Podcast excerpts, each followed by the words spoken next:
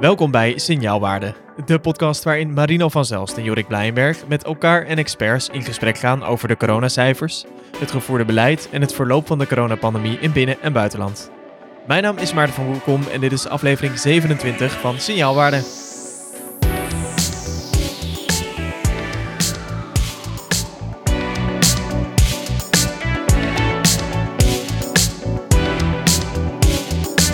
Goeiedag en welkom. Het is vandaag 5 januari 2022, dag 679 van de coronapandemie in Nederland. Want we tellen ook dit jaar weer door. Allemaal nog de beste wensen. Ook de beste wensen aan jullie, Marino Jorik. De beste wensen. Dankjewel. Beste wensen voor alle mensen die luisteren. Precies. Nou ja, tot zover denk ik de champagne. Want uh, we zitten in een lockdown. En daar hebben we het vorige aflevering uitgebreid over gehad.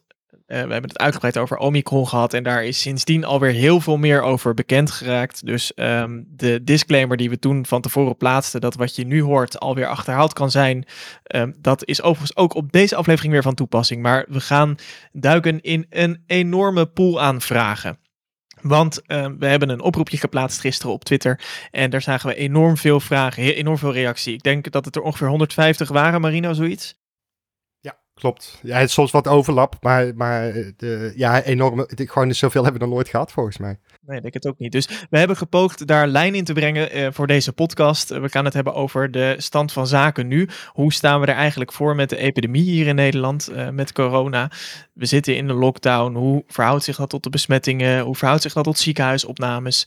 Hoe staat het met Omicron?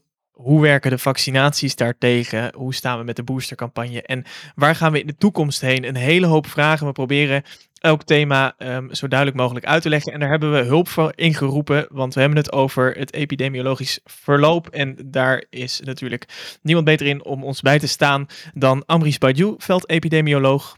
Welkom Amrish. Hey, goeie avond, dag. Wat, ja, goedenavond, dag. Ja, wat leuk dat je er weer bent en uh, ons bij wil staan bij de uitleg en duiding in deze podcast. Misschien nog goed om even kort te introduceren uh, uh, wat je doet in het dagelijks leven. Jij bent directeur operationeel onderzoek bij Artsen zonder Grenzen. Op dit moment woon jij in Luxemburg. Um, wat doe je daar precies? Um, nou, inderdaad, directeur operationeel onderzoek bij Artsen zonder Grenzen. Uh, Artsen zonder Grenzen is een crisisorganisatie, dus we uh, werken al uh, heel wat jaren aan acute crisis, humanitaire gezondheidscrisissen. Daar horen bij uitbraken, pandemieën. en mijn taak is eigenlijk om proberen onderzoek te verenigen met de praktijk. dus waar al die onzekerheid bestaat, toch zorgen dat we op de best mogelijke manier tot actie of tot interventies overgaan. En dat proberen wij zo goed mogelijk te sturen, met een nadruk op praktijk. En vanuit die uh, rol volg je natuurlijk ook de coronapandemie. En je bent dus al eerder te gast geweest bij ons in Signaalwaarde om verdere uitleg te geven. Dus jij kent ook het numerieke kenmerk van de week en had zelf al een getal meegenomen. Ik heb het getal 50 meegenomen. Uh, en dat is een beetje aansluitend hè, op waar ik werk, Arts zonder Grenzen. We bestaan dit jaar 50 jaar. Um, en de reden waarom ik dat wou noemen is omdat Arts zonder Grenzen ja, is eigenlijk uh, een organisatie die gebaseerd op twee principes. Het verlenen van acute medische zorg, maar ook je uitspreken. Um, en dat uitspreken of witnesses is juist heel belangrijk, in, niet alleen in tijden van uh, pandemieën zoals deze, maar ook zeer belangrijk in andere humanitaire emergencies. Dus uh, ja, ik ben hartstikke trots en blij dat we al 50 jaar bestaan. Ik ben bang en zo cynisch ben ik dan helaas ook wel weer dat organisaties in dit spectrum heel lang nodig zullen blijven met allerlei complexe dossiers als migratie, klimaatsverandering en nieuwe ziektes. Deze aflevering is niet gesponsord door Artsen zonder Grenzen, helaas. Maar gefeliciteerd aan Artsen zonder Grenzen, 50 jaar, jemig. Dat is wel, uh, wel even een moment om bij stil te staan inderdaad. En dat jij in het uh, verjaardagsjaar, in het lustrum um, van Artsen zonder Grenzen, dat bij Artsen zonder Grenzen gaat werken. Ja, ja weer terugkomt ah, eigenlijk. Ja, ja, ja. Jij zegt al zo vaak Artsen zonder Grenzen achter elkaar, Marino, dat het lijkt alsof we gesponsord worden door Artsen zonder Grenzen. ja, maar dat is dus niet het geval, helaas, helaas. Ja, misschien kan Abris een goed woordje voor ons doen. Nou, kijk, tot nog toe uh, is signaalwaarde iets wat we heel onafhankelijk maken en wat uh, tot stand komt met alle donaties van uh, onze trouwe luisteraars. Waarvoor nogmaals hele grote dank. Dat spreken we ook aflevering uit aan het einde. Heb je nou zelf ook het idee, ik wil bijdragen aan signaalwaarde? Ga dan even naar onze website signaalwaarde.nl. Snel door naar corona, want daarvoor zijn we allemaal samen hier. De stand van zaken. Jongens, ik ben met uh, heel veel volgers uh, op, uh, op onze internetkanalen, ben ik het spoor redelijk bijster. Want we zitten in een lockdown. ik kreeg een pushbericht van de NOS dat we vandaag toch het hoogste aantal besmettingen sinds het begin van het bijhouden van besmettingen hebben geregistreerd. Um, Omicron is er wel, maar is misschien minder ziekmakend of misschien ook niet. En dat is misschien wel goed, maar misschien ook niet. Kortom, waar staan we? Ja, complex. Um, waar staan we? Dat zie je met name met zo'n crisis waar heel veel dingen door elkaar heen lopen. Uh, vaccinaties, mensen die niet gevaccineerd zijn, mensen die één prik hebben gehaald, twee prikken en nog sinds recent ook de boosterprikken. Een nieuwe variant die ze intreden doen, mensen die natuurlijke infectie hebben gehad. Ja, het is niet heel makkelijk te duiden allemaal op dit moment. Um, en het, ja, ironisch is natuurlijk ook, wil je iets te weten komen over een nieuwe variant, ja, dan zul je die nieuwe variant toch in circulatie moeten hebben, zodat je kan vergelijken met de voorgaande variant, zoals Delta. En op dat moment beginnen we nu natuurlijk ruimschoots te komen, aangezien Omicron uh, vrij dominant is in veel landen. En met name de landen die goed het onderscheid kunnen maken tussen Delta en Omicron, en die leveren ons nu ook de data aan. Um, en dat is vroeg. Dat wil ik er nog even bij zeggen. Um, het gaat altijd minder snel dan we hopen. Maar een aantal dingen die zichtbaar worden, ja, uh, die Omicron variant verspreidt vrij snel. Um, maar ja, levert mogelijk ook mildere ziekte op. En dan zeg ik in deze fase van wat we weten, lijkt dat het beeld te zijn, met name uit het uh, Verenigd Koninkrijk en Denemarken. Oké, ja, dat, je noemt al meteen een slag om de arm. Uh, ik noemde hem net ook al even aan het begin. Ik denk dat het uh, nogmaals goed is te benadrukken dat alle informatie die je nu hoort over Omicron, uh, dat de wetenschappelijke inzichten die ja, gewoon continu volgen, deze informatie ook weer achterhaald kunnen laten zijn. Marino, ik zag jou druk zwaaien. Ja, kijk, we zitten nu in een hele gekke fase. En wat we normaal natuurlijk altijd weten is, we hebben eerst besmettingen beginnen te stijgen en dan twee weken later komen de opnames erachteraan. Uh, we zijn in die lockdown gegaan. Dat is nou ja, nu net iets meer dan uh, uh, twee weken geleden. Um, en wat we nu dus duidelijk zien, ook nog vanwege de vorige set maatregelen, dus de avond-lockdown-achtige maatregelen, is dat alles netjes naar beneden ging. Hè, eerst besmettingen, het ziekenhuisopname, IC, sterfte. En nu sinds nou ja, anderhalve week ongeveer zien we het aantal gemelde besmettingen weer omhoog gaan. En vandaag was het, alle records werden weer gebroken. We tikten zelfs 40% uh, positief aan. Hè? Dus 4 op de 10 testen bij de GGD zijn positief. Dat is een record. Bijna 30.000 gemelde besmettingen bij de GGD. Vandaag dus weer een nieuwe dagrecord. Um, ja, alle records rondom besmettingen worden nu echt gebroken. Um, dus heel raar om te zien dat je dus de opnames net ziet dalen. De bezetting, het ziekenhuis loopt een beetje leeg. Terwijl de besmettingen gewoon gieren de pan uitvliegen. Um, de verwachting is natuurlijk dat dat over tijd, hè, die opnames ook wel gaat draaien. Want dan komt die vertraging weer terug. Maar door die epische groeisnelheid van Omicron. Um, en dat wij dus al in die daling zaten, ziet het er allemaal heel um, gek uit, inderdaad. Um, ja, en wat Amaris al zegt, de signalen over dat Omicron minder uh, ziekmakend is dan de Delta-variant, die beginnen wel steeds meer bevestigd te worden. Hè? Dus dat lijkt wel echt op basis van Britse data, Deense data, Zuid-Afrikaanse data. De vraag, denk ik, die we vooral hebben is hoeveel. Hè? Dus laten we, laten 20... we daar zo meteen nog even um, uh, diep op induiken hoor, op die Omicron-variant. Want ik wil nog even terug naar onze Nederlandse situatie. We hebben natuurlijk net de kerst en de um, jaarwisseling achter de rug. Eerder hebben we wel gesproken van feestdagen-effecten in aantal besmettingen. Jij noemde dat nu dus de besmettingen heel erg stijgen en ook het percentage positief. Dus um, dat betekent dat het niet alleen meer besmettingen zijn omdat er meer getest wordt, maar er zijn daadwerkelijk van dezelfde uh hoeveelheid testen zijn er um, meer, besmet of, uh, meer positieven. Sterker nog, we hebben, we hebben het hier wel eens gehad over uh, Hans, die zich altijd afvroeg. Uh, hè, wat vroeg Hans zich, zich ook alweer af, Maarten? De besmettingen stijgen. Hans! De besmettingen stijgen. Er wordt meer getest. En er zijn ook meer besmettingen. Wat opmerkelijk. Hoe zou dat kunnen? Ja, dus, hè, dus, dus er zijn meer besmettingen en er wordt meer getest. Hoe kan dit nou? En, en dat effect was vorige week voor het eerst niet meer het geval. Dat was heel raar om te zien. Dus het hebben we 21 maanden volgehouden. Er zijn meer besmettingen, dan wordt er meer getest. En dan vinden we natuurlijk meer besmettingen. Dus dan lopen ze gelijk op. Ze lopen ook gelijk naar beneden. En vorige week was de eerste week dat we minder gingen testen bij de GGD. Terwijl het aantal besmettingen toenam. En dan krijg je dus deze hele bizarre percentages positief. Was, ik denk, hé, hey, Hans heeft vast naar het nieuws gekeken en die dacht, ah, dat is gek. Want het, uh, ja, dat vroeg ik me altijd af of dat ook komt. Ja, dat kan. Nou, ja. Dan, dan is eindelijk dit, dit, deze vraag beantwoord. Wat ook wel fijn is. Hey, nog even ehm, terug dan die, die, die situatie waar we nu in zitten. Want ehm, even praktisch, we zitten nog in een harde lockdown voor Nederlandse begrippen. Dat betekent dat de niet-essentiële winkels dicht zijn, de horeca dicht, de vrije tijdsgelegenheden zijn allemaal dicht, doorstroomlocaties, et cetera. Ook de scholen zijn op dit moment nog dicht. Jij zegt de besmettingen stijgen. Daarvan zie je nog niet het um, de, de, de stijgingen in het ziekenhuis. Dus even twee vragen achter elkaar. Hoe kan het dat die besmettingen nu stijgen? Hebben we daar inderdaad een feestdagen-effect van? En de vervolgvraag is: wat zal de koppeling zijn tussen deze besmettingen en ziekenhuisopnames? Uh, ja, de uh, verwachting was dat het zou stijgen, zelfs met die harde lockdown. Dat zal deels door de feestdagen veroorzaakt zijn. Maar het eh, OMT verwachtte dit ook al um, voor de hele maand januari eigenlijk. Um, hè, dus, dus die Omicron-variant verspreidt zich zo snel dat zelfs met een harde lockdown de R waarschijnlijk nog steeds niet onder de 1 komt. Um, de feestdagen veroorzaken een springplankeffect. Dat is dubbel, hè, want je hebt eerst kerst, dan worden er best wel wat mensen besmet. En dan heb je daarna oud en nieuw. En dat oud en nieuw zit dan weer precies in de periode waarin mensen besmettelijk zijn, die met kerst besmet zijn. Dus je krijgt een soort dubbele springplank. Dus dat het nu omhoog zou vliegen, zat wel in de lijn der verwachtingen. Maar zelfs zonder de feestdagen was de verwachting nog steeds. Het gaat wel stijgen, want je krijgt die R gewoon bijna niet onder de 1. Um, omdat die variant zich zo snel verspreidt. Ik zie epidemiologen ook zeggen, dit is het snelst verspreidende virus wat we ooit hebben gehad. Dit, dit verspreidt zich sneller dan welk ander virus uh, dan ook in de geschiedenis. Um, ja, dus dat het zou gaan stijgen was, was zeer de voorspelling. De vraag was vooral vanaf wanneer. Hè, dus um, uh, vanaf wanneer wordt Omicron dominant? En zien we dat dan duidelijk? Nou, dat was ergens rond uh, de feestdagen, kwam het OMT tot de conclusie. Ze schatten zelf op 26 december ongeveer dat het dan dominant is geworden. Nou, vanaf die dag zien we het eigenlijk ook wel um, duidelijk toenemen. Het OMT verwacht ook, en ik um, hang ook op die interpretatie, dat deze week het aantal opnames nog wel gaat dalen. En dan dat volgende week um, de opnames ook gaan stijgen um, in lijn met die besmettingen die we nu allemaal zien.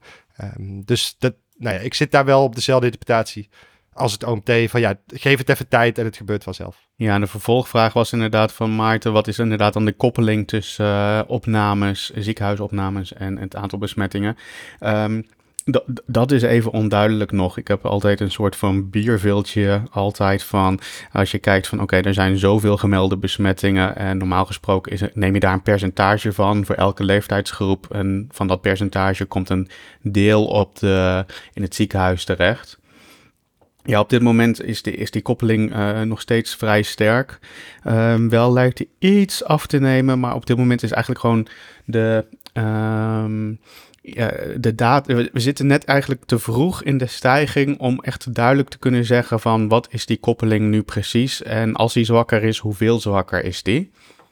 Um, ik denk wel dat het belangrijk is om ook even daarvoor wel naar het buitenland te kijken, waar je wel duidelijk ziet dat er wel veel ziekenhuisopnames volgen uit besmettingen uh, met Omicron, maar je ook ziet dat er minder, toch relatief minder mensen worden opgenomen uh, op de IC's. Um, dat is goed nieuws voor de mensen die hard werken op de IC. Uh, maar dat is geen goed nieuws voor de rest natuurlijk van het ziekenhuis. Want dat betekent dat het zorgsysteem vastloopt niet op de IC. De IC-capaciteit waar wij als Nederland altijd op sturen. Maar eigenlijk al veel eerder. Dus als je nu zou sturen op IC-capaciteit. dan maak je eigenlijk de uh, eerste hulp al helemaal stuk. Nou, we hebben natuurlijk het gehad over IC-capaciteit. En dat daar het eigenlijk altijd al. of nu constant code zwart is. Um, of sorry, bij de eerste hulp. Ja, dus dat, uh, hoe het daar precies uit gaat zien is onduidelijk. Nou, in Amerika loopt het wel echt gigantisch uit de hand. In Londen uh, gaat het hard. In Noord-Engeland ehm, uh, ik las gisteren The Guardian en de eerste kop daar was boven dat uh, uh, Johnson die, die zei van we will ride it out en we gaan geen, geen lockdown doen. En mijn tweede artikel op The Guardian was het artikel dat mensen die een hartaanval kregen, die konden het beste zelf naar het ziekenhuis rijden, want ambulances die kwamen ze tekort. Um, dus het gaat wel, het, ja, ik zou bijna zeggen het gaat worden. Uh, waar woord, het dat woord mag het, je niet meer gebruiken. Maar waar het inderdaad dat we dat woord niet meer gebruiken. Nee, het is echt wel, uh, het gaat hard. Als je kijkt naar nog verder uitzoomt gewoon naar de EU, of volgens mij was dat een statistiek van de WHO. Als je kijkt van hoeveel besmettingen er nu zijn wereldwijd, dan uh, loopt Europa daarop voorop. Oké, okay, ik vroeg me af, Marino uh, noemde net al even de OMT-adviezen. Het OMT adviseert dus, ondanks dat we nu heel veel uh, stijgende besmettingcijfers zien, toch om de scholen te openen. Jij bent veldepidemioloog, dus je, je hebt uh, ja, expertise op het gebied van uh, maatregelen en, en het gedrag van mensen binnen de, en de relatie tot, een, tot de verspreiding van de epidemie. Um, hoe zie jij nou uh, die besmettingen in relatie tot de lockdown en eventuele um, verlichtingen van maatregelen? nou, ik denk dat je vooropgesteld, en wil ik altijd vooropstellen, omdat die nuance als het gaat om het scholenvraagstuk altijd zeer ver te zoeken is, is dat scholen moeten altijd de topprioriteit hebben als het gaat om het uh, heropenen. Je kan niet alles tegelijk, dus als je zegt van oké, we gaan scholen heropenen, en dat, wat mij betreft moet je dat altijd als eerste willen, dan is mijn volgende vraag, maar hoe gaan we dat op een verantwoordelijke manier doen? Um, en we hebben het natuurlijk veel over ventilatie gehad in de afgelopen weken, en het blijft, uh, ondanks dat de minister zegt dat 75% van de scholen de ventilatie op orde heeft, toch zeer onduidelijk welke scholen dat zijn en hoe dat zit. En, laat ik daar even iets meer invulling aan geven. Um, Kijk, als je kijkt naar bijvoorbeeld gezinnen uit lage socio-economische gronden, dan moet je een keten van besmettingen als geheel zien. Laten we zeggen dat een, een jong volwassen kind op school een besmetting oploopt, dan brengt hij dat in een gezin waar vaker binnen die lage socio-economische klasses meerdere generaties in een huishouden wonen, waar de voorlichting veel moeilijker binnenkomt aangaande preventie, waar vaak de noodzaak om toch te gaan werken, ondanks besmetting, ook hoger ligt. Hè? Want de, de noodzaak om te werken ligt gewoon vaak hoger. Uh, omdat je baas niet mee wil werken, maar ook omdat je misschien op een moeilijker contract zit. En daarbij weten mensen vaak ook niet zo heel goed um, ja, wat ze nou precies moeten doen om infectie te preventen of te voorkomen. Um, weten ze niet goed hoe je zelftesten moet uh, toepassen en komt eigenlijk alle voorlichting gewoon niet goed binnen. En als je dan ook nog eens meerdere generaties in een huishouden hebt wonen, wat vaker het geval is, ja, dan moet je ook heel goed opletten dat dit precies de groepen zijn die in de pandemie al onredelijk hard zijn getroffen. Dat gebeurt overigens bij elke infectieziekte wel. Dat zien we eigenlijk globaal wel. Dus als je scholen wil heropenen, en je zegt 75% van de scholen hebben ventilatie op orde. Dan denk ik, nou geweldig, heel belangrijk, een belangrijke maatregel. Fijn dat ventilatie op de agenda staat. Maar waar zitten die 25% van die scholen die het nog niet op orde hebben? En welke andere maatregelen gaan we toevoegen? Plus, um, hoe kunnen we voorkomen hè, dat we zo direct scholen dicht moeten doen? Als in, wat zijn additionele maatregelen die we mogelijk zouden kunnen nemen? Mondneusmaskers, een toch iets meer uh, ondersteunende manier van testen van leerlingen bijvoorbeeld. Ja, wat mij betreft zijn al dat soort zaken volkomen afwezig, toch wel uh, in de discussie, of veel te vrijblijvend. Hè? Dus er wordt gezegd, ja, kinderen moeten zich twee keer per week snel testen. Maar dat moeten ze lekker zelf doen. Ze kunnen de testen op scholen afhalen. Um, en dan is het maar de vraag of die testen correct worden afgenomen of dat ze überhaupt worden afgenomen. Daar moeten we voorbij. Deze crisis moet echt duidelijk meer gaan bewegen in het uh, innovatieve uh, en met meer ambitie moeten gaan worden gewerkt aan hoe we de maatschappij op een manier kunnen gaan inrichten. Um, ja, dat we dit virus te lijf gaan, maar tegelijkertijd het maatschappelijk leven zoveel mogelijk doorgang uh, kunnen laten blijven vinden. Dat geldt overigens dus niet alleen voor scholen, maar ook voor andere sectoren.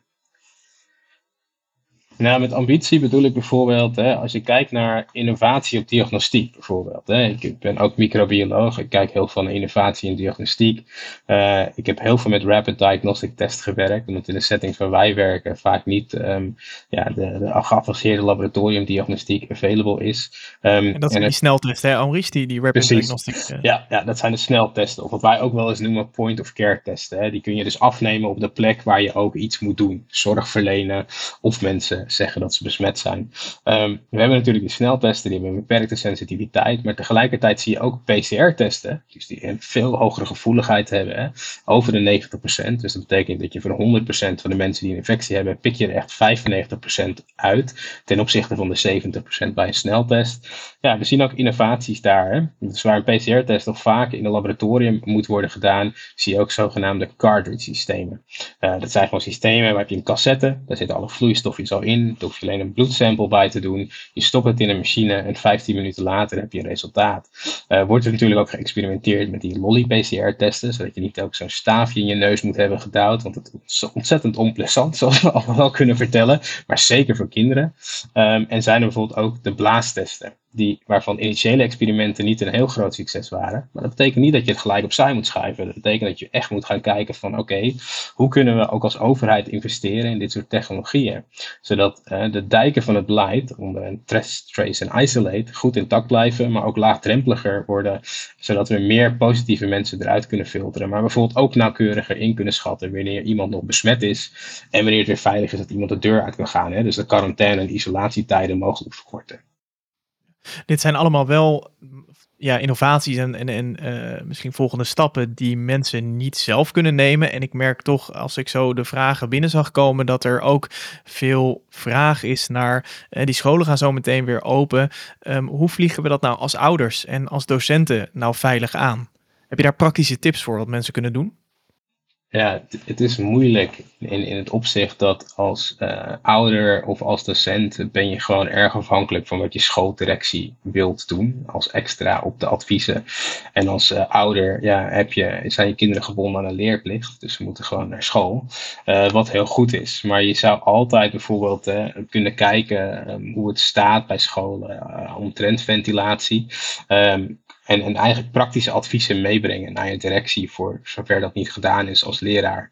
Um, en eigenlijk hoop ik ook hè, dat scholen eh, toch wel meer gaan bewegen naar het verhaal van wat is er tussen open en dicht. En daar is ventilatie zeker een belangrijk deel van. Maar stel dat je op school zit en daar is eigenlijk niet aan ventilatie gewerkt. Ja, dan lijkt het me toch op zijn minst terecht om te vragen van hé, hey, waarom is dat hier nog niet in orde? En wat is nou het plan om dat op orde te gaan brengen? Want ook volgens het bouwbesluit... Ja, natuurlijk bij Nieuwsuur wel natuurlijk een goed voorbeeld van, van een scholengroep waar, uh, omdat ze maar 30% vergoed krijgen van de installatie van de ventilatie, dat ze van de, van de acht scholen twee hebben kunnen doen en de rest niet. En dat was niet per se onwil, onwil maar gewoon een financieel probleem. Uh, de overheid die gewoon niet over de brug komt om toch ja, dure, dure ventilatiesystemen uh, te financieren. Ja, maar dat ligt toch allemaal buiten de, de directe invloedssfeer van um, de mensen zelf. En dat is toch, daar wil ik toch even nog, nog iets praktischer naartoe. Um, we kennen natuurlijk de basismaatregelen. Um, dus uh, handen wassen, testen bij klachten. Maar, maar hoe doe je dit nou goed met kinderen? Hebben jullie daar nog iets voor, voor aan te vullen? Ja, kijk, wat je, het lastige is, omdat je met kinderen te maken hebt in een organisatie met een bepaald stramien, moet het ook voor een groot deel natuurlijk van bovenaf komen. Hè? Dus die ventilatie moet natuurlijk van bovenaf komen. Wat je zou kunnen zeggen is, goh, waarom hangt er hier geen CO2-meter? Dat zijn niet zulke dure dingen. Um, ik had een docent van de week uh, op Twitter die zei van, ja, ik heb zo'n CO2-meter, maar ik weet niet eens wat ik ermee moet doen. Wanneer moet ik mijn raam openzetten, weet je wel? Nou, als zo'n CO2-meter 900 plus ppm laat zien, dan maximaal ventileren. En in België hebben ze zelfs de regel bij 1200 plus, dan moeten alle kinderen naar buiten. Um, en dan moet je het lokaal gewoon uh, leeg uh, ventileren. Ja, kijk, daar kun je... Is eigenlijk een indicatie dat er te weinig frisse lucht is? Ja, dat is inderdaad wat zo'n CO2-meter zegt. Te veel CO2 is te weinig frisse lucht. That, that's it. En dit zijn een paar van die indicatoren. Maar zo'n CO2-meter kost ook niet zoveel, weet je wel. Die, die, ja, het is 100 euro en dan heb je wel een prima ding. Uh, hè, dus dat, dat zijn makkelijke dingen redelijk. En dat zou je als ouders, wat Amory zegt, ook wel redelijk aan kunnen geven uit school. Van, hé, hey, ik wil gewoon dat mijn kind veilig onderwijs krijgt. En zo'n CO2-meter is gewoon al een echt goed hulpmiddel. Um, en dat maakt het zo lastig bij kinderen dat je gewoon bij... Ja, je kunt ze wel, bijvoorbeeld je kinderen zeggen van, goh, je hebt je mond-neusmasker. Als je dat prettig zou vinden, um, hè, dus blijf die ophouden, ook al hoeft het niet van school. Um, maar veel meer dan dat is ook moeilijk. Ik denk dat heel veel ouders nu zeggen, uh, Marino, je hebt geen kinderen. Nee, kijk, het is, het is natuurlijk in dat opzicht ook gewoon lastig. Hè, dat er natuurlijk iets als peer pressure blijft. Als jij het enige jongetje in de klas met een mondneusmasker op blijft. Nou ja, goed, we kennen dat gevoel allemaal. Kijk, wat, wat Marino zegt hè, over dat luchtkwaliteitsverhaal. Um, voor sommige mensen blijft het ook nog een moeilijk verhaal. Uh, als je zegt, nou, we gaan alleen de luchtkwaliteit verbeteren omtrent van uh, COVID-preventie. Maar we weten bijvoorbeeld ook dat de luchtkwaliteit, hè, dus de hoeveelheid CO2 in het klaslokaal, bijzonder belangrijk is voor um, nou, hoe, scherp kinderen zijn. Concentratieproblemen zijn er echt sterk mee geassocieerd. Um, vermoeidheid, uh, allemaal dat soort zaken. Hè. Dus vanuit dat oogpunt is gezonde lucht ook gewoon belangrijk. Dat ligt inderdaad op inderdaad zo'n norm van 800, 900 uh, ppm, parts per million CO2 uh, in de lucht. En vanuit dat oogpunt is het dus ook bijzonder belangrijk om gewoon de ventilatie in een gebouw in orde te hebben. Dus scholen investeren hier niet alleen in voor COVID, maar juist voor een gezonde leeromgeving. En ik denk dat dat misschien wel de belangrijkste boodschap is die uh, soms ook wel wat uh, raakt ondergesneeuwd. Kunnen dan zometeen als de scholen open zijn, kinderen nog wel weer veilig uh, thuis omgaan met volwassenen? Want dat is eigenlijk, um, uh, of moeten we weer even een oppasstop invoeren voor opa en oma? Dat advies is een staand advies, dat is niet veranderd. Dus dat geeft het, geeft het kabinet ook aan. Ja. Dus iedereen boven de, dus voor de, ja, als het goed is, staat nog steeds op de website. Laat ik het gewoon live even controleren. Uh, op de website dat mensen van boven de 70 het beste niet naar kleinkinderen, dus de kinderen onder de 12 kunnen gaan. In ieder geval voorzichtig zijn.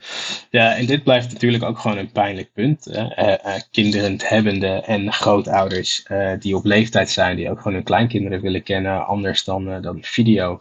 in dat opzicht is, ja, dat is precies waarom ik zeg dat voorlichting zo belangrijk is. Er zijn manieren om risico te verlagen. Risico zul je nooit naar nul krijgen.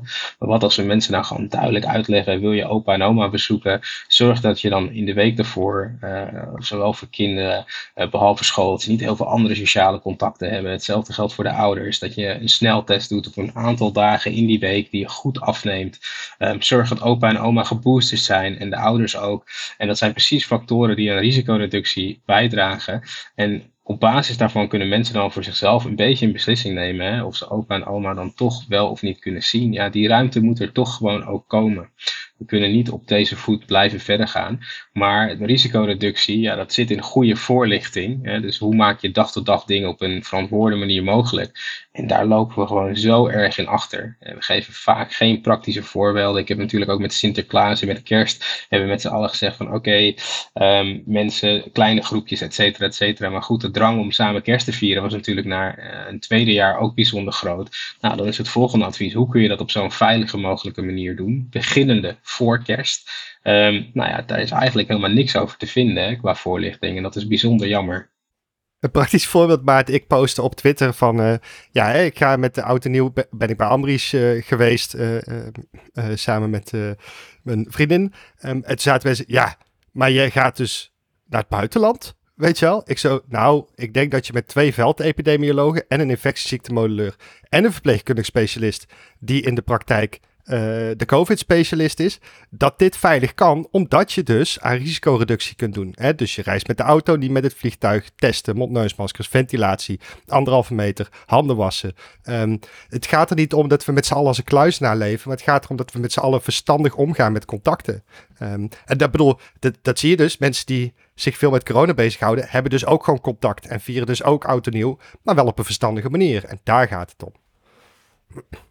Ja, ik denk dat, dat, dat het ook is, hè, wat we in signaalwaarde ook de, afgelopen jaar dat we nu deze podcast maken, dat we ook langzaam verschuiven um, naar um, dit zijn de adviezen om door de pandemie heen te komen, naar dit zijn de adviezen om om te gaan met de situatie nu en om te leren leven met het virus. Want dat is wel een beetje waar we aangekomen zijn. En dat komt onder andere op dit moment door de Omicron variant. En ik denk dat het goed is om daar nog even iets dieper uh, op in te gaan, iets meer op in te zoomen.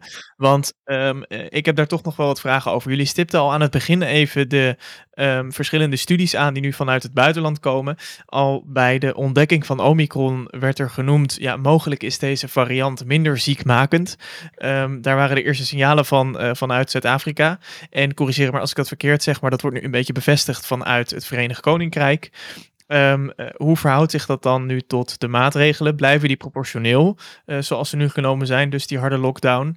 En um, wat weten we nog meer over Omicron? Ja, misschien om maar even te beginnen. Um, kijk, dit is, dit is wetenschap. Ja, zoals ik zei, je moet, je moet data vergaren tussen Omicron-besmettingen hebben om meer over het virus te weten te komen. En voor die tijd neem je natuurlijk de zorgelijke signalen neem je erg serieus. In Nederland hadden we geen goede uitgangspositie. Uh, het was heel uh, ja, moeilijk, de, de, druk op de zorg was gigantisch, dus je kunt er dan geen negatief nieuws bij gebruiken. dus in dat kader was het heel verstandig om deze zware pakketten met maatregelen in te voeren. En zelfs als Omicron dan een storm in een glas water had uh, gebleken, ja, dan had je toch nog die R-waarde verder onder de 1 gekregen, waardoor het aantal besmettingen sneller naar beneden zou lopen en de strengere maatregelen minder lang zouden nodig zijn. Wat zien we op dit moment? Ja, ondanks die maatregelen lopen die besmettingen toch op. En zoals Marino en Jorik ook vaker hebben uitgelegd, uh, een besmettelijkere variant kan in dat geval nog wel zorgelijker zijn dan een variant die ernstige ziekte zou veroorzaken. Simpelweg door de gigantische proporties van mensen die besmet raken. En dat heeft een maatschappelijk destabiliserend effect, waar we het eigenlijk ook nog niet over hebben gehad. Maar wat je in het Verenigd Koninkrijk bijvoorbeeld ook heel duidelijk ziet, is dat bijvoorbeeld essentiële sectoren gewoon uitvallen door de massale hoeveelheden mensen die in isolatie en quarantaine moeten. Dat zie je bijvoorbeeld in het, uh, in het openbaar vervoer daar, waar gewoon gigantische gaten vallen, maar ook in de winkels die essentieel zijn en open zijn. En niet alleen dus in de zorg. Ja, wat je, wat je daarnaast ook ziet, wat, wat veel onzeker. Een, een van de vragen van de luisteraars was bijvoorbeeld van wat weten we van Omicron en long COVID? Ja, long COVID volgens mij is de definitie dat je uh, nog klachten moet hebben na drie maanden na infectie. Nou ja, Omicron is uh, twee maanden geleden op het toneel gekomen en uh, een week of twee bij ons uh, dominant geweest. Dus wat weten we over Omicron en uh, long COVID? Nou ja, we kunnen over drie maanden kunnen we daar wat zinnigs over zeggen. Um, hebben we trouwens ook veel meer data, want op dit moment zijn we 30.000 mensen per dag aan het besmetten. Dus dat, dat gaat wel goed. Maar ja, pas over drie maanden kan je ook zeggen van hoeveel van die mensen hebben dan nog last van die infectie. Dat is gewoon even wachten. Wat weten we over de verhouding tot uh, ziekenhuisopname? Ik denk dat dat een belangrijk punt is wat uh, veel de boventoon voert in de discussies over uh, de huidige situatie en Omicron. Hoe is de koppeling tussen besmettingscijfers en ziekenhuisopname en besmettingscijfers en ernstige ziekte en dood? We zien eigenlijk de laatste week, anderhalve week, de studies naar buiten vliegen. Hè? Dus, dus we hebben, dat was in het begin ook gezegd van ja, heb even geduld. We hebben gewoon wat de zal zijn, begin. Je hebt mensen nodig in het ziekenhuis met die Omicron variant, voordat je weet hoeveel mensen in het ziekenhuis terecht gaan komen. Nou, de afgelopen anderhalf, twee weken zien we eigenlijk de studies naar buiten komen. Um, hè, dus die komen uit Zuid-Afrika, uh, Denemarken, Verenigd Koninkrijk vooral. Daar komt wel het beste spul vandaan. Um, vooral Denemarken en het Verenigd Koninkrijk, want daar is de data heel goed. Zuid-Afrika heeft gewoon het meest langdurig al data. Wat tot nu toe blijkt. Ik ga weer even het rijtje af wat we de vorige keer ook gebruikten, namelijk hoe besmettelijk is het ding? Hoe goed is de Omicron in staat om onze immuniteit te omzeilen? Um, en wat is de virulentie? Um, nou, die besmettelijkheid zijn we nog steeds niet helemaal over uit. Hè? Dus wat is die R0? Want dat is gewoon heel lastig uit elkaar te trekken. Dus daar waarschijnlijk iets minder dan delta. Het zou ook hetzelfde kunnen zijn, maar mogelijk iets lager. Dan bij het vermogen om de immuniteit te omzeilen is, um, ik durf het woord fenomenaal te gebruiken. Um, dus je ziet gewoon zonder die booster, zeker bij de vectorvaccins, dus bij mensen met AstraZeneca of Janssen, zijn ze qua bescherming tegen infectie alsof we gewoon weer in maart 2020 zitten. Dus je het gewoon nog nooit gehad hebt. Dat is wel echt bizar om te zien. Um, dat is iets anders ten aanzien van ernstige ziekte. Dat blijkt redelijk overeind te blijven staan. En met de booster komt het allemaal weer uh, redelijk goed. Dan over de virulentie, want dat is natuurlijk de grote kwestie. Um, we zien in die meeste onderzoeken dat de kans op ziekenhuisopname lager lijkt dan bij Delta. Dus ik ben zelf wat optimistischer over die percentages dan een paar weken uh, geleden. Maar er zijn wel twee dingen die moeten we even uit elkaar trekken. En dat is um, de kans op ziekenhuisopname gegeven dat je geen bescherming hebt. En de kans op ziekenhuisopname gegeven dat je al wel bescherming hebt. Of door middel van vaccins of door middel van een eerdere infectie. Dat is heel lastig uit elkaar te trekken. Vooral dat stuk eerdere infectie. Omdat we natuurlijk bij heel veel mensen niet weten of ze eerdere besmetting hebben gehad. Ze weten het misschien zelf wel. Maar we zien het niet in de data. Omdat uh, de testbereidheid gewoon niet 100% is. Um, en er gewoon mensen zijn met asymptomatische besmettingen. Um, nou, en daar zie je heel veel variatie. Dus de papers, hè, de onderzoeken die goed controleren voor die achterliggende immuniteit. Um, hè, dus, dus het feit dat we gewoon heel veel immuniteit hebben door middel van vorige besmettingen en uh, vaccinaties. Die vinden dat die kans wel wat omlaag is gegaan, maar niet absurd veel. Um, hè, dus, dus voor mensen die geen bescherming zouden hebben, daar kun je voor controleren, dan kun je doorrekenen. Wat als we geen bescherming hebben, dan is het niet zoveel um, wat het omlaag is gegaan. Al die onderzoeken komen wel tot de conclusie, als je al bescherming hebt, dus zelfs zonder de booster, um, maar met een eerdere infectie of met vaccins, zeker met de booster, dan is de kans wel echt een stuk lager. Um, en dat is een positief signaal, wat niet betekent dat het voorbij is. Daar komen we zo meteen nog even op terug. Maar ik begin minder pessimistisch te worden dat het echt totaal apocalyptisch wordt. Wat we anekdotisch nu vooral zien, Ik denk dat dat zijn twee... misschien goed is om wel heel even bij stil te staan. Want je je zegt dat een beetje gekscherend. Maar we hebben het natuurlijk eerder gehad over de grootste angst van eh, onder andere viroloog eh, Marion Koopmans. De variant of panic. Ehm, er is een kleine tijd gedacht dat Omicron misschien wel die variant of panic zou zijn. Met een veel hogere besmettingsgraad. ehm, een, eh, en als hij eh, eh, mogelijk ontduiken aan de immuniteit die is opgebouwd. En als hij dan ook nog ziekmakender zou zijn. Maar die variant of panic lijkt het niet. Niet in de zin van dat hij onze immuniteit compleet omzeilt. Zeker de immuniteit tegen ernstige ziekten. eh, dat de kans op ernstige ziekte exact hetzelfde is. En dat we dus deze groeisnelheid zien. Dat, dat was die variant of panic. Dat lijkt het dan niet. Ehm, maar die verspreiding is wel heel snel. De kans op ziekenhuisopname is niet ineens eh, maar gereduceerd met 90%. Het is geen excessief verkoudheidje of zo. En dat zie je dus terug ehm, in eh, Engeland. Dit is nog anekdotisch, maar, maar hier begint een patroon te ontstaan. Dat mensen minder snel op de IC terechtkomen dan bij eh, de Delta-variant. Dus je ziet wel veel opnames, maar minder doorstroom ehm, naar de intensive care.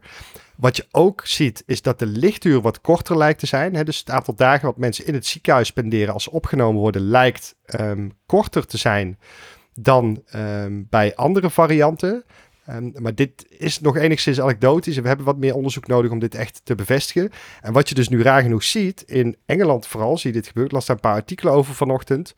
Is dat ze dus in plek van wat wij doen, namelijk mensen in de zorg naar de IC sturen. Dus we halen ze weg bij de verpleegafdeling om op de IC te helpen. Dat je daar het omgekeerde effect ziet. Dus ze zijn IC-verpleegkundigen naar de verpleegafdeling aan het sturen. Omdat het aantal opnames gewoon heel erg hoog is. Dus die instroom is gigantisch. Maar mensen gaan ook wel redelijk snel naar buiten. Maar om die instroom op te vangen, zijn ze dus nu juist IC-verpleegkundigen naar de normale afdeling aan het sturen. Dat is heel raar. Ehm, en dat is ook wel vrij uniek. Dat hebben we nog niet eerder gezien. De grote vraag is van, is dit dus heel kort en heel heftig en dan is het snel klaar met minder IC-opnames en sterfgevallen? Of gaat dit nog een tijd aanhouden ehm, als je er niks aan doet? Ehm, en wat dan de vertaalslag is naar Nederland, gegeven dat wij toch wel die harde lockdown hebben, ehm, ja, dat is helemaal... Die, ik vind die vertaalslag nog moeilijk, maar ik ben minder pessimistisch dan een paar weken geleden. But it ain't over till it's over. En ik ben de vlag ook nog niet aan het uithangen. Dat zeker niet. Weten we iets over met eh, de opening van de scholen in het achterhoofd? Weten we iets over hoe Omicron zich bij kinderen manifesteert in eh, ziekteverschijnselen? Eh, moeilijk. Er zijn wat signalen dat kinderen in hogere mate ehm, opgenomen worden dan bij andere varianten. Maar, en dat maakt het heel lastig om dit uit elkaar te trekken. We zien bijvoorbeeld in Engeland hebben ze een goede scheiding van de data over of je met COVID in het ziekenhuis opgenomen wordt of door COVID. Ik wil dat allemaal niet bagatelliseren, want voor de zorg maakt het geen klappen uit. Als je met een besmettelijke ziekte in het ziekenhuis komt, moet je geïsoleerd worden, et cetera. Maar in de Engelse data zien we, en dat zien we ook bij, die, eh, bij kinderen, wat meer ehm, dat ze hè, bijvoorbeeld voor een, eh, iets anders opgenomen worden. Dan worden ze getest voor de zekerheid. Oh, je hebt ook een Omicron-besmetting. Ehm, en daar gaan die getallen ook wel deels van omhoog. Maar Nou ja, er is, er is in... eh, het, is, het is niet goed. Het- ik, vind het niet, ik vind het zelf niet duidelijk. Misschien heeft Ambries daar nog inzichten over. Maar ik vind het moeilijk om te zeggen van, goh, het lijkt is virulenter voor kinderen. Ja, als ik daar nog eh, even aan toe mag voegen om mijn vraag iets, eh, iets te, te nuanceren, is dat er eerder bij kinderen eh, ook wel ehm, een, een ja, soort apart ziektebeeld, ernstig ziektebeeld gezien werd bij COVID. Het PIMS-TS eh, lijkt een beetje op Morbus Kawasaki. Zi- zien we dat soort verschijnselen nog meer, Amrish? Ja, moeilijk te zeggen. Ehm, dat heeft ook met name te maken natuurlijk dat er ook vakanties zijn geweest, eh waar de kinderen tussenuit zijn geweest. Ehm, ja, nee, vind ik lastig te zeggen. Ik zou, daar, ik zou op dit moment geen eh, stuitende uitspraak doen, want veel blijft toch tot case reports of kleine clusters van, eh, waarbij maar de vraag is of Omicron daar de verklaring voor is, ja of nee. Ehm, kijk, eh, dat mensen consistent blijven zeggen dat, het, dat COVID geen risico voor kinderen zou vormen, ja, daar ben ik het pertinent mee oneens. Hè, want we zijn nou eenmaal een verbonden maatschappij. En bij eh, de som der grote getallen zullen natuurlijk ook altijd eh, groepen die zwaar klein blijven, eh, die zullen ook groter worden. Dus daar moet je voorzichtig bij blijven. Maar op dit moment is die data gewoon nog niet zo solide. Maar er wordt natuurlijk wel goed naar gekeken. En blij, iedereen blijft onderlijnen dat we goed de data ehm, en de rapporten uit Denemarken en het Verenigd Koninkrijk in de gaten moeten houden. Ja, helemaal eens. En, en wat ik, wil ik ook nog even aanvullen bij Ambries. Ehm, eh, die data is nu nog lastig te interpreteren. ik ben zelf nog niet bezorgder geworden daarover in de afgelopen twee weken. Maar ik vind zelf ook, um, kinderen horen niet ziek te zijn, zeg maar. Weet je als je, als je 90 bent, dan, dan, dan ben je wel oud en dan, dan gebeurt er wel eens wat, zeg maar. Maar iemand van zes hoort gewoon niet met een heftige infectieziekte. Vind ik, hè, is persoonlijk. Maar weet je, dat moeten we gewoon, als het kan, proberen te voorkomen.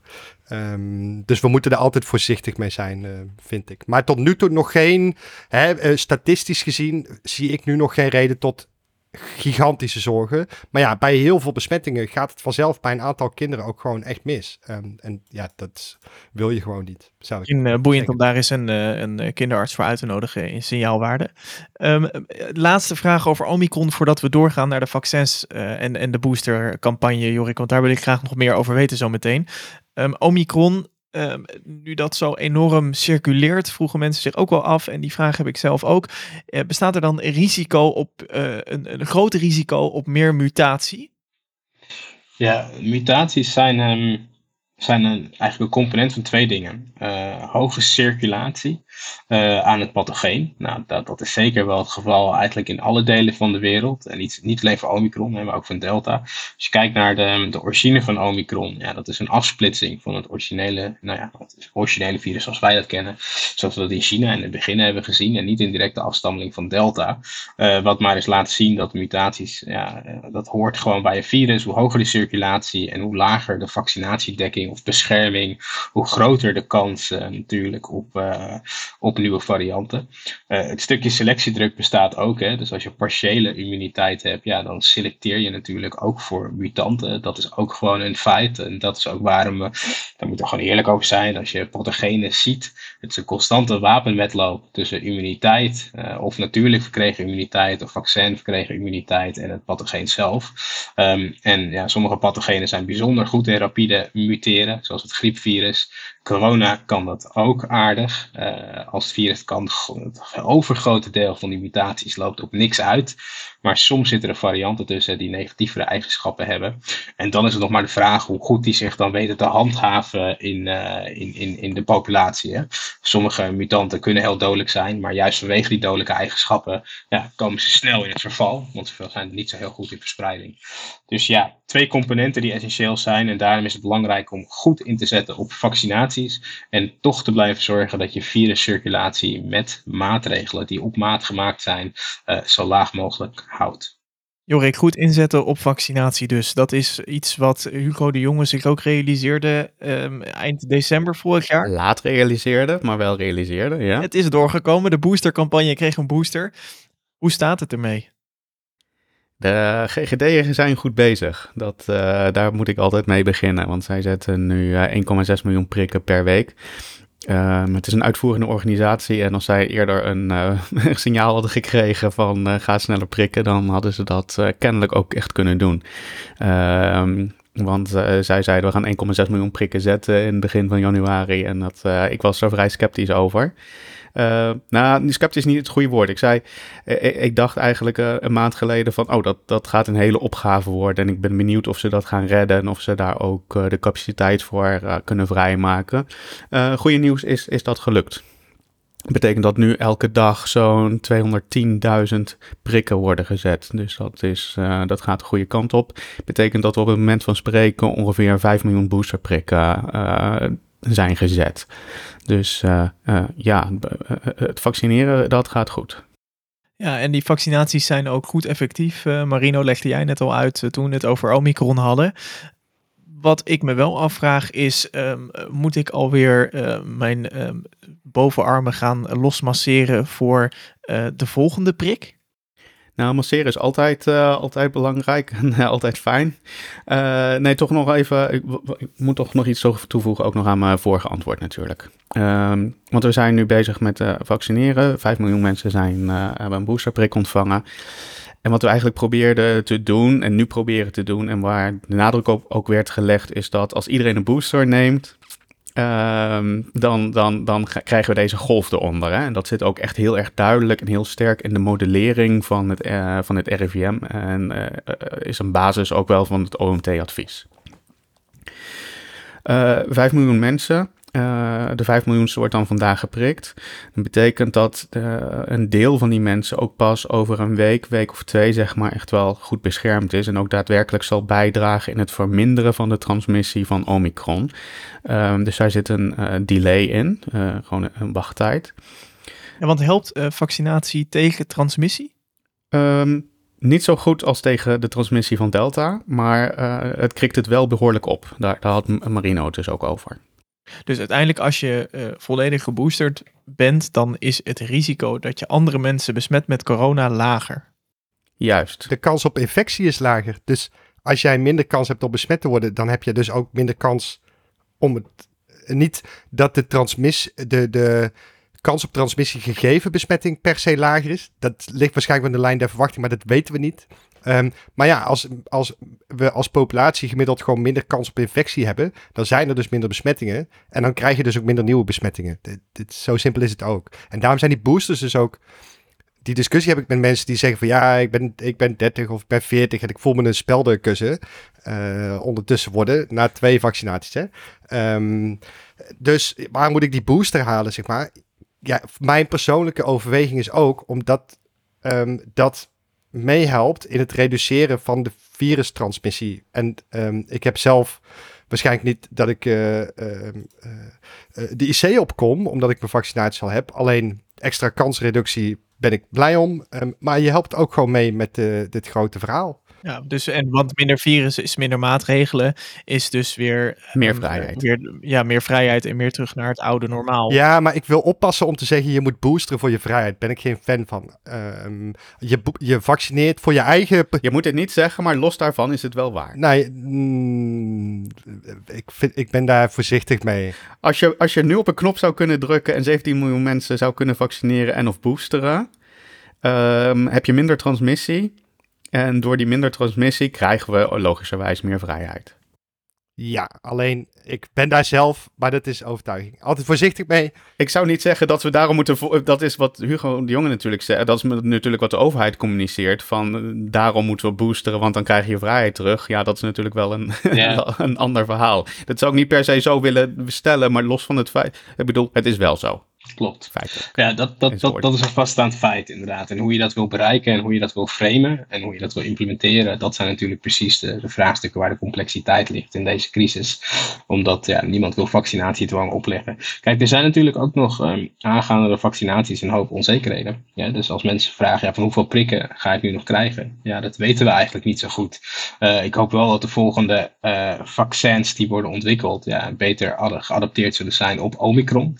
Um, en hopelijk is Omicron in, in, in die, die tijdspannen nog relevant, om het zo maar te zeggen. En hebben we niet te maken met de volgende variant. Maar dit zijn precies. Ja, de vaccins zijn besteld. Ja, precies. Maar, maar dit zijn precies de dilemma's waar we nu mee te maken hebben. Dus precies wat Marina zegt. Ja, de vaccins en de boosters, en, en Jorik ook, zijn goed voor deze golf. En wat er mogelijk in de nasleep, in de directe nasleep van komt. Maar wat er dan vervolgens op ons traject ligt, ja, daar kunnen we eindeloos over speculeren. Maar we weten het niet. We weten niet of drie boosters een langdurigere bescherming geven. Als je kijkt naar de Israëliërs, die zijn al aan het spreken over een vierde booster, om het zo maar te zeggen. Um, vraagtekens. Daar moeten we ook eerlijk over communiceren. Um, dat is erg belangrijk, want we hebben waarschijnlijk toch nog wel meer prikken in de armen nodig met nieuwe generatie vaccins, met geadapteerde vaccins. Ja, dus nieuwe generatie vaccins bedoel je eigenlijk een, een vaccin wat uh, anders is samengesteld om een ander type uh, van het coronavirus aan te vallen of te, te beschermen tegen. Ja, eigenlijk zoals je dat ook ziet met het jaarlijks griepvaccin. Hè, dat wordt aangepast aan nou ja, wat er circuleert in het jaar of in het seizoen daarvoor op een andere halfrond. En elk jaar worden die aangepast. En ja, hopelijk zijn ze, elk jaar hopen we dat ze dusdanig zijn aangepast dat ze precies pinpotten wat er in dat jaar circuleert. Maar zoals ik net zei, griep muteert vrij snel. Uh, dus soms zit je er wat naast en zit je inderdaad met een vaccin-effectiviteit die rond de 50% uitkomt. Maar ja, goed, 50% is belangrijk, want dat is toch weer 50% reductie in ziek worden of ernstige zieken. En, en levert daarmee ook een reductie in uh, ziekenhuisopnames op. Uh, daarvoor is het wel belangrijk natuurlijk dat risicogroepen die vaccins blijven nemen in hun armen. En zo moeten we het denk ik ook gaan uitleggen. Want dat is inderdaad wel het scenario waarnaar we toe bewegen. Ik weet dat de Amerikanen ook bezig zijn um, met een cocktailvaccin. Waarbij ze dus alle varianten in één vaccinatie uh, proberen te mikken.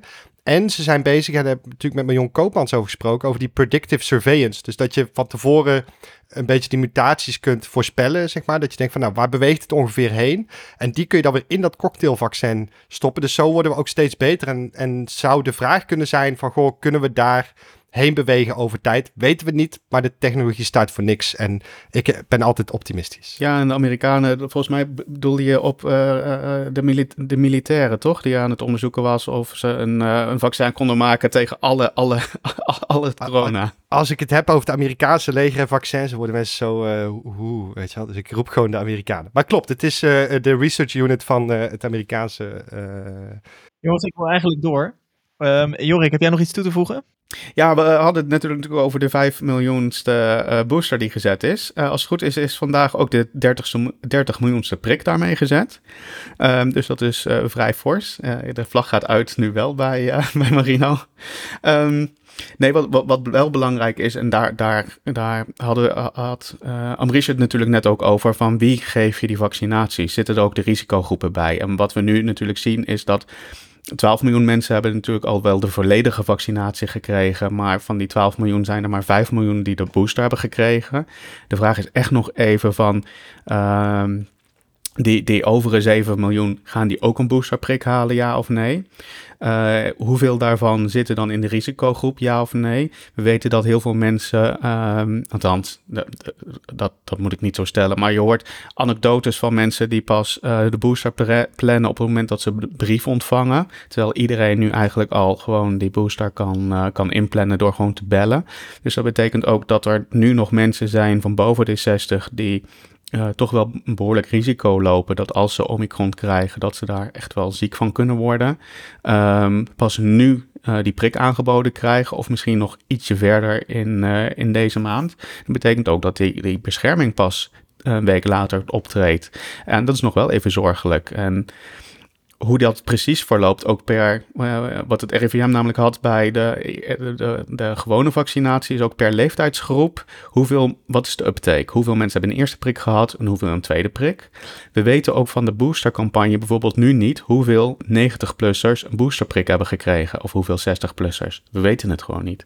Um, dus dat is nog wel echt, uh, echt een risico, zeker als het gaat om het kijken naar het verlagen van die golf.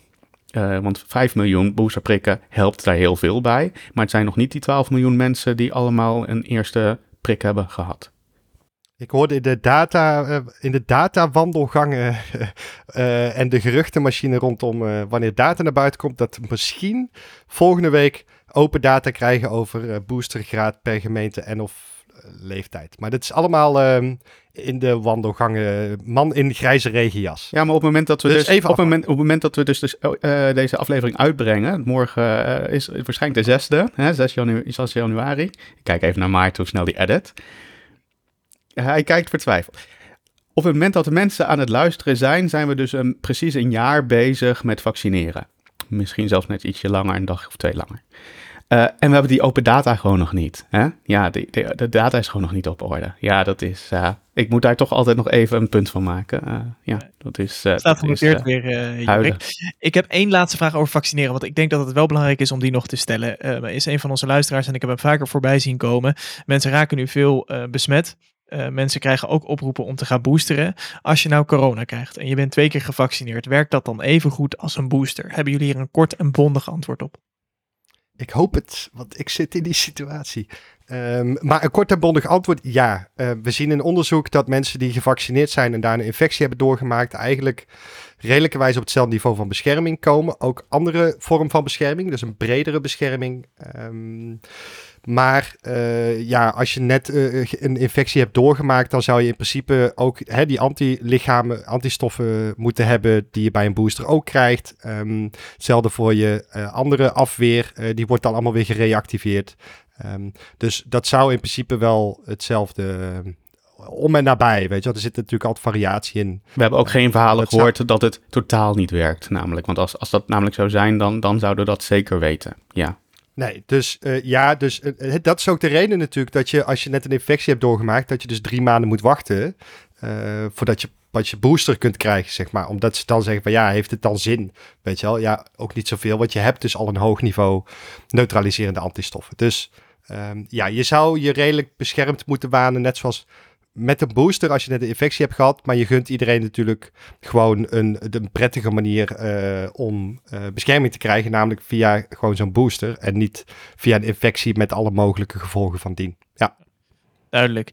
Dan wil ik de laatste minuten van deze aflevering besteden aan de toekomst. En ehm, dat mag ook kort en bondig, maar het is een hele brede vraag. Dus ik realiseer me dat ik hier mij op glad ijs bevind als ik dit eh, aan jullie vraag.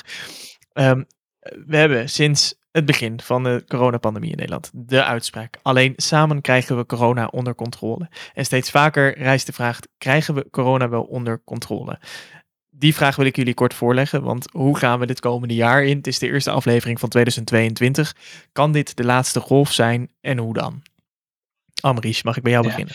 Nou ja, ik heb hier natuurlijk wel vaker over gesproken. ehm, en, en veel experts zijn het er mee eens. Ehm, kijk, eh, corona is, wordt endemisch. De vraag is vooral hoe endemisch wil je het hebben? Met eh, in achtneming van alle onzekerheid die er bestaat, dat wanneer een virus blijft circuleren, je gaten hebt in vaccinatiedekking of überhaupt niet steriliserende vaccins. Dus vaccins die 100% beschermen tegen ernstige ziekten, maar ook tegen het verspreiden van het virus. Ehm, ja, wat is precies het plan dat je daarmee inzet? Hè? Dus, dus hoe ga je dijken bouwen die zorgen dat infecties onder controle blijven? Maar hoe ga je ook innoveren en innovatie stimuleren om te zorgen dat eh, sectoren gewoon kunnen blijven functioneren? En ik denk dat we in twee jaar pandemie al best wel veel hebben geleerd. We moeten meer wetenschapsgedreven eh, durven experimenteren met allerlei zaken. Eh, dus het moet niet zoals de field labs eh, sectorgedreven zijn. Eh, het moet volledig transparant zijn als in hoe worden experimenten opgezet. Bijvoorbeeld binnen restaurants. Hoe goed wordt het gemonitord? Hoeveel mensen bij bijvoorbeeld een restaurant met een lagere bezettingsgraad eh, besmettingen oplopen. En op die manier kunnen we, wat mij betreft, echt toe gaan bewegen naar een maatschappij die niet meer de oude maatschappij zal zijn, maar wel een maatschappij die grotendeels, of eigenlijk heel grotendeels, eh, doorgang gaat kunnen vinden. Maar dat vereist actief werken, dat vereist ambitie, ambitie, dat vereist ook dat we out of the box durven denken ehm, en dat we sectoren bij elkaar gaan brengen. Nederland heeft geen tekort aan hersenen en ook geen tekort aan eh, wilskracht, maar we moeten mensen wel bij elkaar gaan brengen om dit te gaan doen. Het klinkt ook alsof dat tijd vergt. Hoeveel? Zeker, het kost tijd. Eh, hoeveel kan ik je niet zeggen, maar het is nooit te laat om te beginnen. Hè, dus laten we dat vooral eerst doen. En dan komt het Heel diplomatiek antwoord dit. Nou, het is een heel diplomatiek antwoord, maar het is ook een antwoord waarbij ik erken dat er een balans tussen de onzekerheid is en de zaken die we moeten gaan doen. Ehm, en, en weet je, de, de reden waarom ik zeg dat het nooit te laat is om te beginnen, is omdat ik natuurlijk ook in grote uitbraken heb gewerkt. Bijvoorbeeld de West-Afrikaanse ebola-uitbraak, waar de arts zonder grenzen drie maanden lang aan de alarmbel aan het trekken wa- was. En dat er pas werd engaged toen, eh, ja, toen de eerste expats terugvlogen naar Europa. Ehm, en toen was het nog steeds niet te laat om te beginnen met een respons die wel duidelijk te laat begonnen was. Ehm, waarmee ik probeer te zeggen, het is inderdaad nooit te laat om te beginnen, zoals Mike Ryan van de WHO ook heel vaak zegt. Klinkt als een mooi advies. Marino, Jorik, hebben jullie hier nog iets aan toe te voegen? Ehm, nou ja, ik heb eh, vorige week ergens in een of ander eh, eind, end of the year review gezegd: het wordt tijd eh, om ambitie te tonen. Ehm, en daarmee kan ik me volledig vinden wat Am Ambries zegt. Ik denk dat het makkelijker gaat worden hierna. Ehm, hè, het, corona is zeker niet weg. We moeten leren leven met dit virus. En ik hoop dat we dat kunnen doen op een manier waarbij we met een, een bak ambitie en, en wilskracht en bewustzijn ehm, dat zo goed mogelijk kunnen doen. Ehm, hè, er zijn natuurlijk een heleboel virussen in deze samenleving waar we al van alles nog wat te doen. Het is keihard werken. Ehm, dus ik gaf pas een voorbeeldje met we hebben natuurlijk nooit zo heel veel last van SOA's, hè, seksueel overdraagbare eh, eh, ziektes. Maar we doen daar ontzettend veel aan. Dus we ge de GGD geeft voorlichting. Eh, op school wordt er heel veel gedaan aan voorlichting. Voorboedsmiddelen zijn super normaal, zeg maar. Het is gewoon niet meer weg te denken uit onze samenleving. Dus het vereist heel veel energie van ons, maar dat vinden we heel normaal. Ehm, en eh, de vraag is, hoe kunnen we met corona en andere luchtwegvirus misschien omgaan op zo'n manier dat het weinig impact heeft, dat het een onderdeel van ons leven is geworden, dat je zegt, we moeten daar iets mee, zonder dat het je hele leven beïnvloedt. En ik hoop dat we op een ambitieuze manier naar een situatie kunnen bewegen dat we dat laag endemische niveau gaan uh, bereiken. Um, en wat Amries eigenlijk ook schetst. Dus dat wil ik even meegeven. We doen nu alsof een soort corona ons leven beheerst. Dat doet het ook. En dat we dan naar een fase kunnen waarin het ons leven niet meer beheerst. Maar virussen beheren ons leven gewoon. Um, en uh, we hopen dat ze veel mogelijk naar de achtergrond kunnen krijgen. En die ambitie heb ik voor komend jaar. Ik denk dat het kan. Um, na deze golf. Zeker. Mooi. Mag ik mijn waardering uitspreken voor het feit dat jij echt super professioneel blijft doorpraten terwijl jouw kat echt gewoon voor je microfoon langs loopt? Dankjewel. ik heb daar wat ervaring mee, want ik heb hem live, toen ik bij Sven Kokkelman zat, toen heb ik hem gewoon live aan de kant geschoven, terwijl ik over de groei van de Omicron variant bleef doorschuiven. Dus ik heb wat ervaring met, uh, met onze Winston, um, die uh, heel erg honger heeft, uh, terwijl wij dit aan het opnemen zijn. En dan ja, komt hij doen alsof hij heel lief is, maar hij heeft gewoon honger. Dan moeten we voor Winston richting een afronding. Jorik, heb jij nog iets toe te voegen?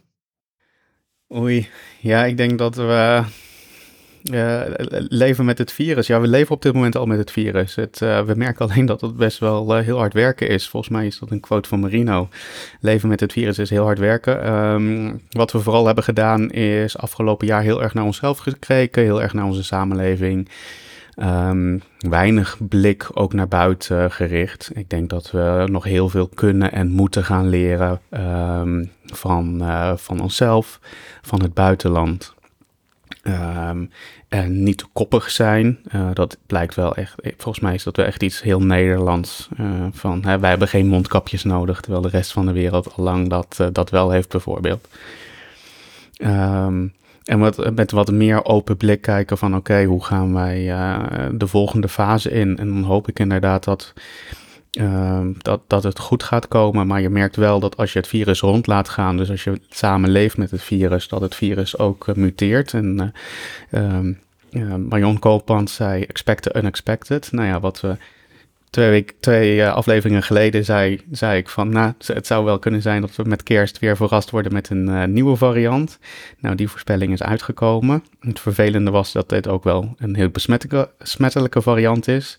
Ja, het, uh, ik hoop nog dat we verrast worden door een variant die wel besmettelijk is, maar heel weinig ziekmakend. Maar ja, ik weet niet of we daarop mogen hopen. dus het is wel echt plan voor de worst en hoop voor de best. Over voorspellingen gesproken, doen we nog een paar. Uh, wanneer mag ik weer naar het café? Uh, nee, nee, dat doen we de volgende keer. Nee, want ik heb namelijk één vraag van een luisteraar aan het adres van Amries die ik erg leuk vond. Uh, en die ik graag als, als afsluiter van deze podcast wil stellen. Amries, dit is een vraag van Mark. we krijgen een nieuwe minister van VWS. Als jij één advies mag geven. En um, Mark maakt zelf de kanttekening. Ik weet het, het is complex, zo'n pandemie, et cetera. Maar je mag er één. Hij is vrij streng. Wat is het dan? Um ja, werk samen. Hou je oren open. Nederland kent heel veel eilanden met professionals die ontzettend kundig werk doen. Ik heb met veel mensen binnen de GGD's gesproken die allemaal zeer mooie initiatieven uh, bij elkaar zetten als minister van VWS. Faciliteer het bij elkaar brengen van experts breder dan het OMT. Het OMT heeft natuurlijk een vrij duidelijke mandaat en dat is namelijk adviseren op aanvraag. Maar juist als je moet nadenken over middellange termijnvisies, hebben we iemand nodig die die sectoren bij elkaar kunnen brengen. Dat hoeft niet alleen de minister van VWS te zijn, maar aangezien het een gezondheidscrisis betreft, die escaleert in een crisis van veel grotere proporties, zou dat een mooi begin zijn. Marino en, en Jorik, jullie hebben ook meegedaan met de VWS Expert Panels. Er werden heel veel experts bij elkaar gezet om met elkaar te praten. Mijn ervaring was bijzonder positief. Als in, um, als je in de media kijkt, lijkt alsof al die experts het helemaal niet met elkaar eens zijn. Maar zet ze om een tafel en je zult zien dat ze het eigenlijk best wel met elkaar eens zijn. Op hele kleine details misschien na. Um, en dat lijkt mij een rol voor een minister het gesprek omtrent de experts, een brede scala van experts faciliteren. Vind ik een mooi advies. Dankjewel dat je weer bij ons te gast wilde zijn vandaag, uh, Amries. Dat je weer wilde aanschuiven en uh, zo alle vragen wilde beantwoorden. Jorik, Marino, uh, jullie ook weer bedankt en jij bedankt voor het luisteren en vooral voor het insturen van alle vragen. We waren echt overdonderd door de hoeveelheid vragen. Um, dat is de mooiste bijdrage die je aan signaalwaarde kan leveren. Um, en dat brengt ons volledig aan het einde. Waren het niet dat ik Marino met zijn hand in de lucht zie zwaaien? Marino?